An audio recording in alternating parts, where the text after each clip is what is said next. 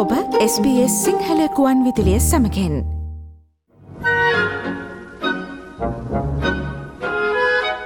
විශ්ව සාහිත්‍යයේ රසමං පෙත්.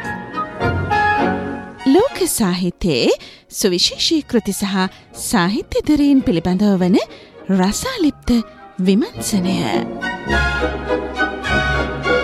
විශ්ව සාහිත්‍යයේ රසමං පෙත්.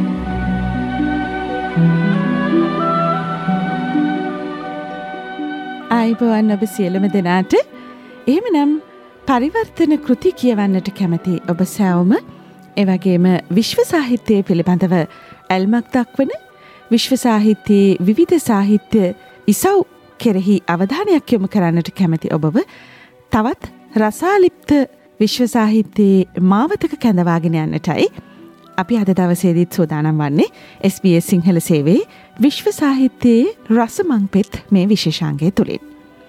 ඉතින් අද අපේ අවධානය අපේ ශ්‍රී ලාංකික සිංහල පාටකින් බොහෝ දෙනෙක් දන්නා හඳුනන සාහිතදරයෙක් පිළිබඳව. විශ්ව සාහිත්‍යය අපට හමුවන ප්‍රකට නමක් නමුත් මේ ප්‍රකට නම පසු පස තියෙන අප්‍රකට ජීවිත සිදුවීම් සමුදාය සහ ඔහුගේ ඒ ජීවන අත්දැකීම් කොහොමද ඔහුගේ සාහිත්‍ය ජීවිතයට බලපෑවේ. ඒ බලපෑම තුළින් බිහිවුණු නිර්මාණ ඔබ අතට පත්වනේ කොහොමද කියන කාරණාව සම්බන්ධයෙන් අපි රසවත් පිළිසඳරකේ දෙන්නටයි එහෙමනම් අදත් මේ සූදානම. අද අපේ අවධානය විශ්ව සාහිත්‍යයේ විශිෂ්ට නවකතාකරුවෙක් සහ කෙටිකතාකරුවෙක් විදිහට හඳුන්වන එවගේම නොබෙල් සාහිත්‍ය සම්මානයට පවා පාත්‍ර වෙලා තියෙන ඒර්නස්ට් හෙමිංවේ පිළිබඳව. ඒර්නස්ට් හෙමිංවේ කියලා අපි හඳුන්වට ඔහුගේ සම්පූර්ණ නම ඒර්නස්ට් මිල හෙමිංවේ. ඔහු උපදින්න එක්දහස් අටසිය අනූ නවය වර්ෂයේ ජූලි මාසේ විසියෙක් වෙනදා ඇමරිකාවේ ඉලනොයිල්ස් ප්‍රාන්තයේ චිකාගෝ නගරය අසල ඕක් පාක් කියන ස්ථානයේ. තින ඔහුගේ පවුලේ විස්තර පිළිබඳව කතා බහ කරනවනං පියා වෛද්‍යවරයෙක් මව සංගීත ගුරුවරයක් ඔහුට සහෝදරයන් හතර දෙනෙක් ඉන්නවා. ඉතින් කුඩා කාලේ ඔහුගේ ජීවිතය ගෙවෙන්නේ මේ සහෝදරයන් හතර දෙනා සහ මම සමඟ. ඉතින් මේ නිසාමද කොහෙදෝ මේ සහෝදරයන් හතර දෙනා අතර ගෙවුණ ඔහුගේ ජීවිතයේදී මව ගොඩක් වෙලාවට ඔහුටත් අන්දවල තියෙන්නේ ගැහැනු දරුවන්ගේ ඇඳුම් කියලා ඔහුගේ කුඩා කාලයේ තොරතුරු ඇද්දි අපිට හමුවෙනවා. ඉතින් ඒර්නස්ට් හෙමිං වේ කියන්නේ අපි දන්න විදියට විශ්ව සාහිත්‍යයේ ශ්‍රේෂ්ඨ නවකතාකරුවෙක් සහ කෙටිකතාකරුවෙක් විතරක් නෙවෙයි ඔහුගේ තවත් ජීවිතයේ විවිධ වෘතියමය පැති තියෙනවා. ඔහු මාධ්‍යවේදියෙක් එවගේම ඔහු හමුදා ගිලන්නත සේවයට සම්බන්ධව වැඩ කරපු පුද්ගලයෙක්. ඇමරිකාව පළවෙනි ලෝක යුද්ධයට ඇතුල්ලුනාට පස්සේ ඔහු අවස්ථාව ලබාගන්නවා ඉතාලියේ හමුදාසේවයට බැඳෙන්න. ඉතින් ඔහු එහිදී ඉතාලි හමුදාවට අයත් ගිලන් රට සේවේ සමාජිකයෙක් විදිහට කටයුතු කරනවා. ඉතින් ඒ යුත්තේදී ඔහු තුවාල ලබනවා ඔහු රෝහල් ගත වෙලා සෑහෙන කාලයක් කාලය ගත කරනවා ඉතාලී ඊට පස්සේ ඔහු නැවතත් ඇමරිකාවට එනවා. ඊට පස්සේ ඔහු අවස්ථාව ලබාගන්නවා ඇමරිකානු සහ කැනේඩියානු පුවත්පත් කලාවේදියෙක් විදිහට කටයුතු කරන්න. ඉතින් ඔහු මුද්‍රිත මාධ්‍යයේ මාධවේදියෙක් විදිහට කටයුතු කරන අතරතුරේදී ඔහුව පසුකාලීනව යුරෝපයට ඇවෙනවා ග්‍රීසියේ විප්ලවය පවතන කාලේ ඒ සම්බන්ධව තොරතුරු වාර්තා කරන්න. ඉතින් ඒ අපි ඔහුගේ නොදකින පැත්තක්. ඒ විතරක් නෙමේ ඔහු දක්ෂ ක්‍රීඩකයෙකුත් වෙනවා. නමුත් ඔහුගේ විවාහ ජීවිතය පිළිබඳව කතාබහ කරද්දි ඔහු විවාහා දීර්ඝකාලීනව ස්ථාවරව පවත්වාගෙන යාමේ යම් කිසි වූ ගැටලුවකට මුහුණ පාලා තියෙනවා කියලා අපිට හිතාගන්න පුළුවන්. මොකද ඔහු ජීවිතයේ පස්වතාවක් විවාහ වුණ පුද්ගලයෙක්. ඒ විතරක් නෙමෙයි අර්නස්ට් හෙමිංවේ ඇමරිකාව සහ කිව්බාව කියන රටවල් දෙකේම නිත්‍ය පදිංචිකරුවෙක් විදිහට ජීවත්වන පුද්ගලයෙක් කිව්බාවෙත් ඔහු දශක කිහිපයක් තමන්ගේ ජීවිත කාලය ගත කරන. ඉතින් ඔහු හෙදී ගුවන් යන අනතුරකින් එක්තරාවරක දිවි ගලවා ගන්නවා පස්සෙ කාලෙකදී ඔහු පරම්පරාගතව ඔහුට ඇතිවෙන මානසික රෝගයකින් පීඩා විඳිනෝ එවකෙම රෝග ගණනාවකට ගොදුරු වෙලා දැරි ලෙස ගිලන් වෙනවා. පසුකාලීනව මේ මානසික රෝගී තත්වය හේතුවෙන් දැඩි මානසික අසහනයකට පත්වන ඔහුට තමන්ගේ ලිවීමේ හැකියාව පවා අහිමි වෙනවා කියලයි ඔහු පිළිබඳව තොරතුරු හොයද්දී අපිට හමුවන්නේ. අවාසනාවන්ත විදිහට ඔහු තමන්ගේ ජීවිතය තමන්ගේම ගිනිියාවියෙන් කෙලවර කරන්නට පසුකාලීනව තීරණය කරනවා. ඉතින් ඒ අනුව තමයි මේ ශ්‍රේෂ්ඨ ලේඛකයා ලොවට අහිමි වන්නේ. ඒ එක්දහ සමසය හැට එක වසරේ ජූලිමාසේ දෙවනිදා. හොඳයි එහෙමනම් මේ ශ්‍රේෂ්ඨ ලේඛකයාගේ ජීවිතේ විවිධ මං පෙත්වලට අපි පියනගෙමු. සුපුරුදු විදිහටම අපේ මේ විශ්ව සාහිත්‍යයේ රසමං පෙත් මේ විශේෂාංගයට අපිත් එක් හදත් සම්බන්ධ වෙනවා. එංගලන්තයේ වොරික් විශ්වවිද්‍යාලයේ විශ්ව සාහිත්‍යය පිළිබඳව ඩිප්ලෝමාධාරණයක් වන එවගේම මෙල්බර්න් හිඩීකින් විශ්වවිද්‍යාලයේ කතිකාචාරවරයක් විදිහට කටයුතු කරන දිලිනි ඒරියවල. ආයිපුවන් කියලා ඔබව අපි බොහොම සෙනහසින් අදත් මේ විශේෂාන්ගේට පිළිගන්නවා දිලිනි. අයිබෝන් දිල්රුක්ෂි ඇතට මර්නස් හෙමින්වේගේ ලේඛන දිවියේ ආරම්භය කොතනද සිද්ධ වන්නේ. පොහෝ දෙනෙක් ඔහුගේ කෘති කියවල තිබනට ඒ පිළිබඳව තොරතුරු දැනගන්නත් විශාල කැමැත්තකින් ඉන්නවා කියල ම විශ්වාස කරනවා දිලිනි. කුඩා හෙමින්වේගේ පුරුද්දක් තිබිලා තියෙනවා ඔහුගේ දෙමාපියන් සහ යාළු මිත්‍රයන් ඉදිරියේ කතන්දර ගොතා කියන්න. ඒ කාලෙ පටන්ම කියන්නේ ඔහු කතා කීමේ රුචියෙක් වශයෙන් සඳහන් කරන්න පුළුවන්. පාසැල් අධ්‍යාපනය සඳහා ඕපක් විදුහලට ඔහු යනවා.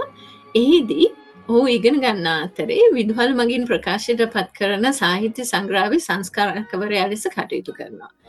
ඔහුගේ ලේඛන කලාව ආරම්භ වෙන්නේ එතනින් කියලා කියන්න පුළුවන්. පාසල් අධ්‍යාපනය නිමාවීමෙන් පසුව ඔහු කැන්සස් සිටි ස්ටා කියන පුවත් පතට වාර්තාකරුවෙක් ලෙස එක් වෙලා කටයුතු කරනවා. ඔහුගේ ලේඛන වෘතිය ආරම්භ වෙන්නේ එතනින්. හෙමිංුවේ මුලින්ම ලියන්නේ කෙටිකතා සංග්‍රහයක් in our time කියලා එක්දස් නමසේ විසි පහේදී. ඔහුගේ පළවෙනි නව කතාව වෙන්නේ the sun also rises එක්දස් නවසි විසි හයේදී.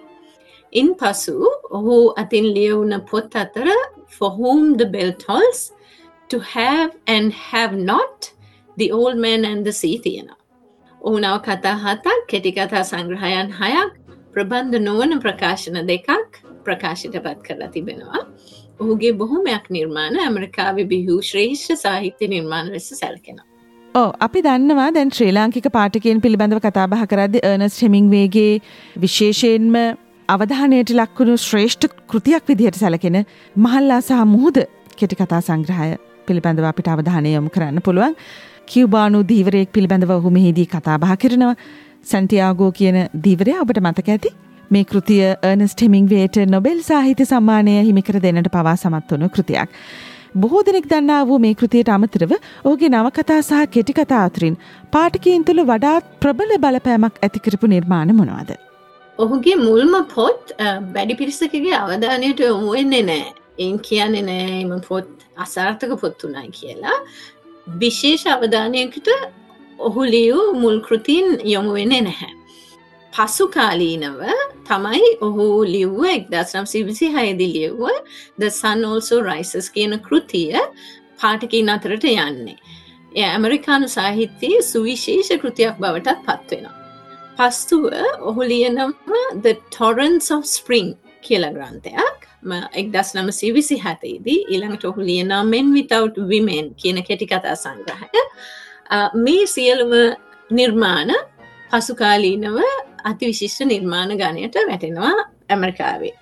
ඊළඟට හෙමිංවේගේ තවත් මුල්කාලින කෘතියක් වෙන්න එක්දස් නම්සේ විසනවේදි ප්‍රකාශයට පත් වන ෆෙයාවෙල්ට ආම්ස් කියන කෘතිය ඇමරිකාව තුළ ජනතා ප්‍රසාදයට පත්වෙනවා හිතාගන්නත් බැරි විදිහට මේ කෘති ලිය වෙන්නේ යුද්ධ හා සාමය පසුබිම් කරගෙන මේකට ඔහුගේ ඉතාලි යුද්ධ පෙරමුණේදී ඔහු ගේ අත්දැකීම් මූලිකව බලපල තියෙනවා කියලත් කියන්න පුළුවන්.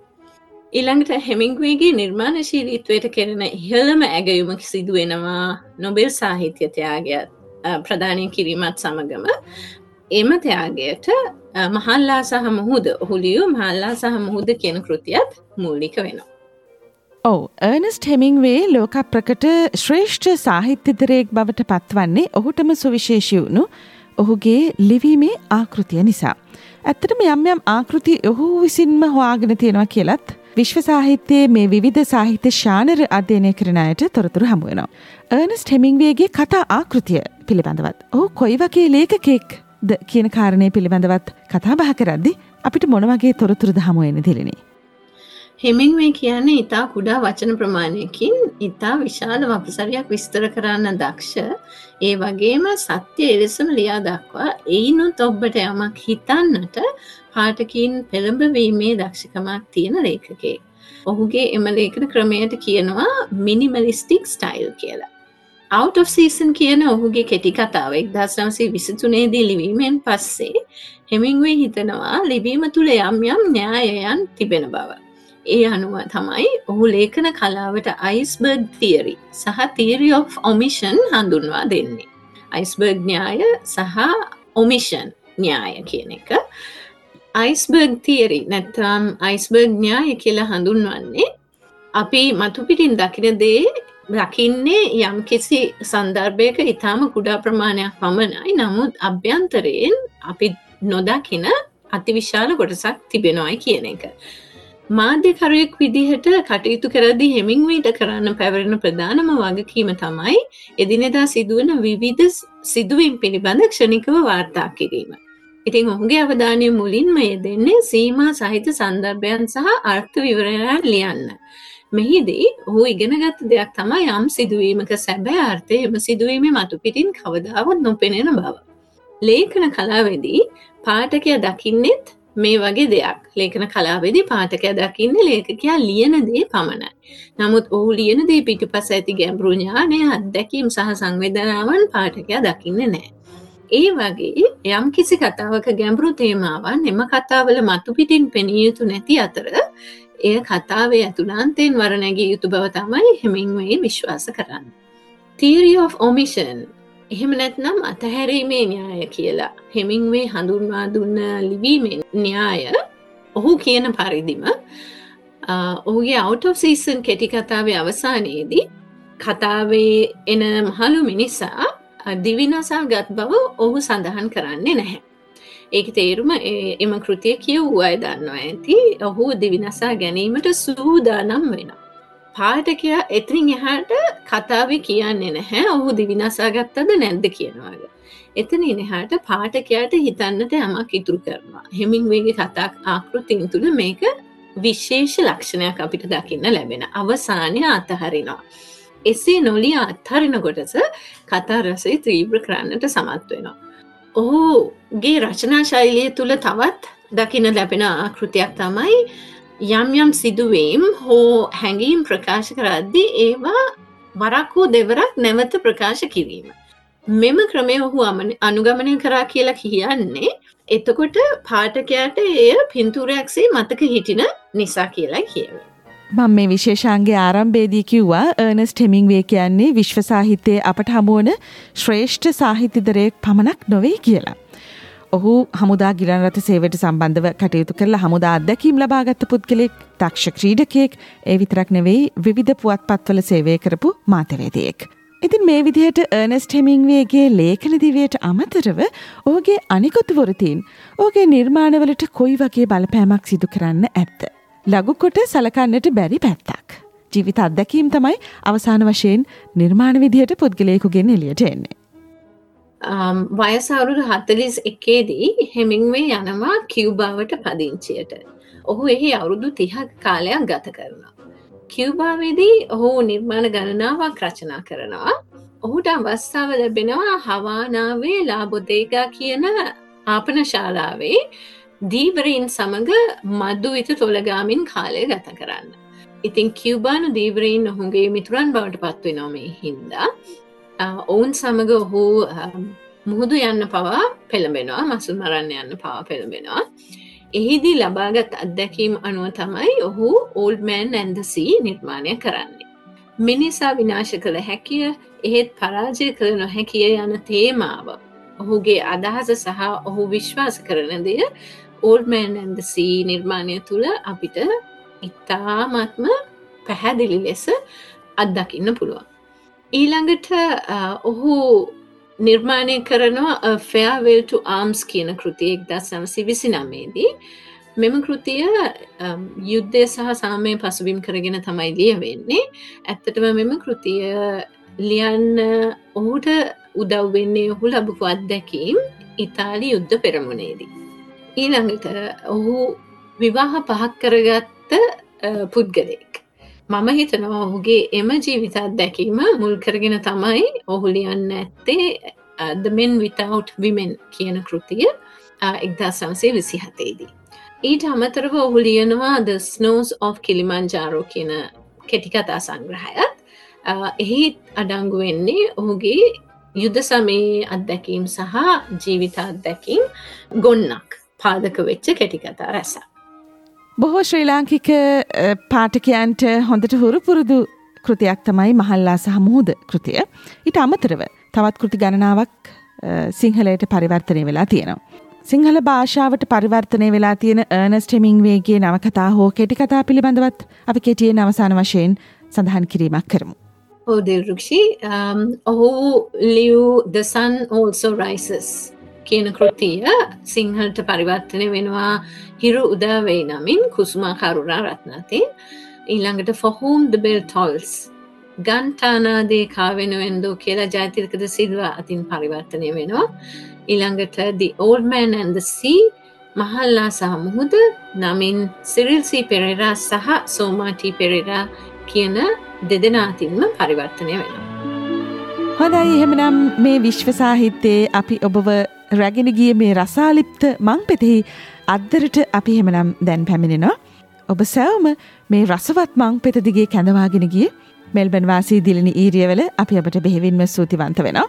ඇය එංගලන්තේ වොරික් විශ්වවිද්‍යාලයේ විශ්ව සාහිත්‍යය පිළිබඳව සිදු කරන ලද හැදෑරීම් හරහා එකතු කරගත්ත පරිචය තමයි මේ ආකාරයෙන් ඔබට මේසා රසවත් විශ්ව සාහිත්‍යයේ සාහිත්‍යමය අත්දැකීම් බෙදා හදාගන්නට අපත් සමඟ මේ විදිහට සම්බන්ධ වන්නේ. එහෙම නම් දිලිනි අපි තවත් මාසකින් අනතුරුව යළිත් හමුවමු.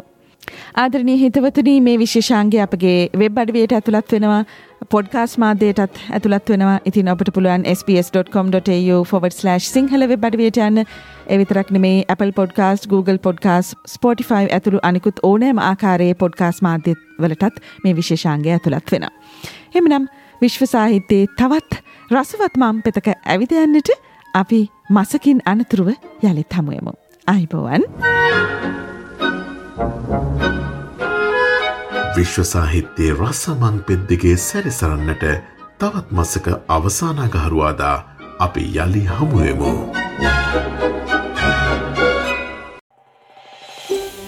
මේ වගේ තවත්තොරතුරු දැනගන්න කැමතිද. එහමනම් Apple podcast Google podcast Spotify ෆිහෝ ඔබගේ පොඩ්කාස්ට ලබාගන්න ඕනේම මාධ්‍යයකින් අපට සවන්දය හැකේ.